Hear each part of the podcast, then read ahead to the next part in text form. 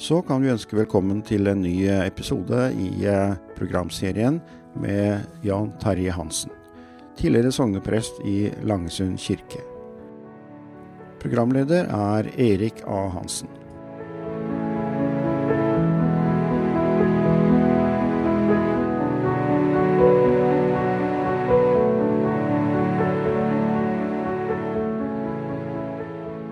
Jan Terje Hansen har eh, de siste ukene fortalt en del om sin oppvekst og sin studietid på Misjonshøgskolen i eh, Stavanger, hvor han bl.a. opplevde å ble helbredet for en hjertelidelse. Men så var du ferdig med studiene, da, Jan Terje, og da bar det hjemover igjen?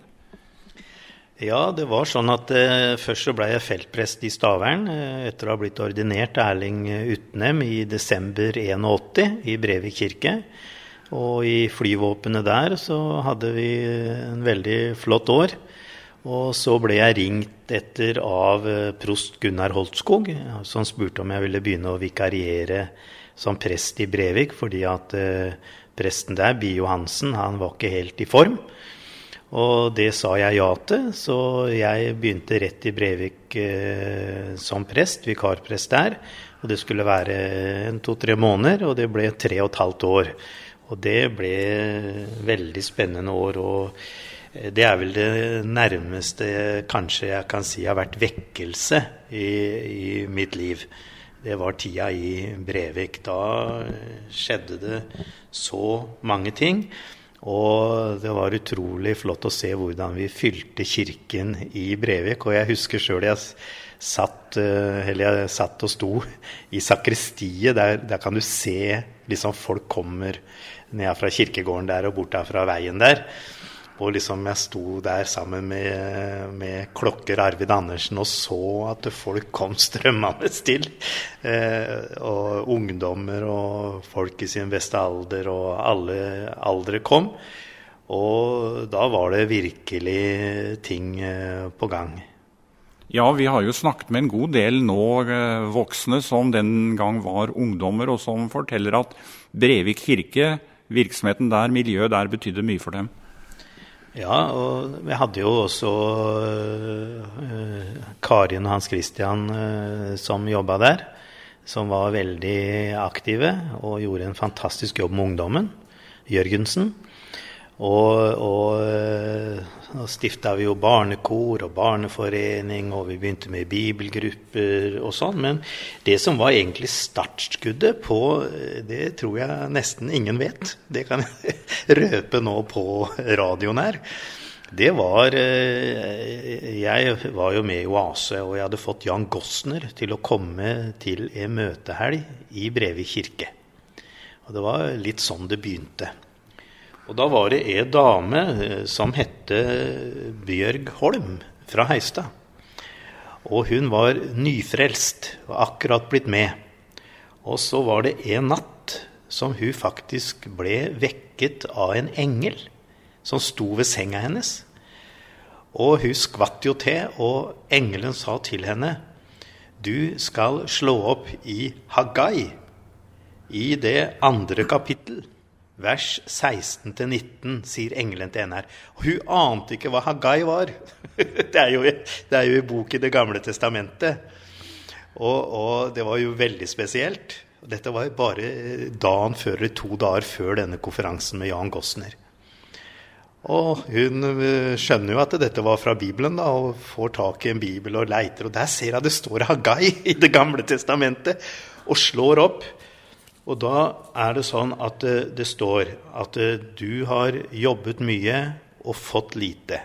Du har håpet på mye, og det har blitt lite. Men fra i dag, den 24. dagen i den niende måneden, vil jeg velsigne, sier Herren. Og det var altså 24. i niende som møtehelga med Jan Gossner begynte i Brevik. Og fra da altså skjedde det så mye i Brevik at de kunne skrevet bok om det av Den hellige ånd, som rett og slett kom over byen vår og virka på mennesker. Og det var helt spesielt. Jeg har aldri opplevd noe sånt før det, og heller ikke etter det. Men du var altså Breviksgutt. Og hva syns eh, de voksne Breviksfolkene da at en eh, guttunge, ja, som etter hvert var blitt voksen, da, sto eh, sentralt i den kristne virksomheten, profet på sitt eget hjemsted? Nei, altså jeg tror de syns det var ålreit. Det står jo at en skal ikke bli profet på sitt eget hjemsted, men det gikk egentlig veldig greit. Jeg kjente det jo fra fotballen, jeg kjente det jo fra speideren, og jeg kjente det jo fra å ha bodd der i hele oppveksten. Men, eh, og folk strømma jo til kirken, og vi ble jo bibelgrupper, og folk ble med, og folk ble frelst, og ungdommer ble med. Og, og jeg husker, bare for å vise et par eksempler på hva som kunne skje, da. Det var, jeg, jeg kom i en dåpssamtale. Og eh, der var det virkelig si store problemer. Virkelig store problemer.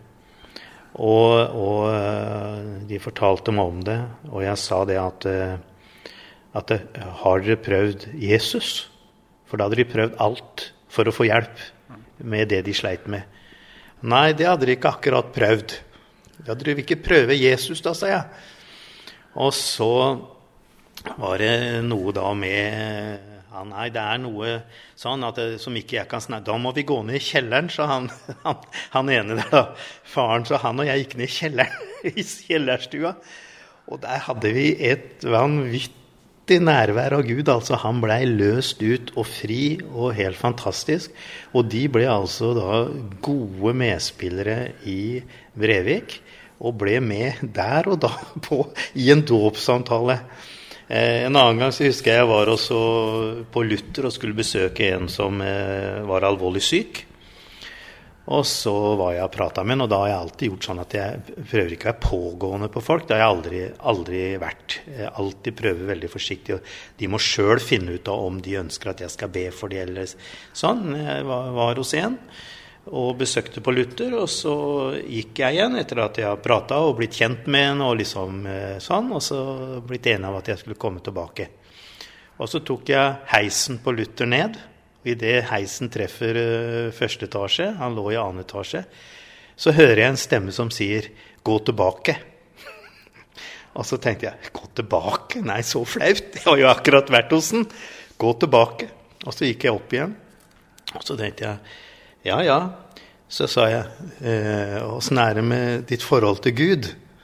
Ja, ja litt sånn fram og tilbake. Ja, ønsker å legge ditt liv i Guds hånd? Ønsker du at eh, Og så spurte han det. Så sier, sa han ja.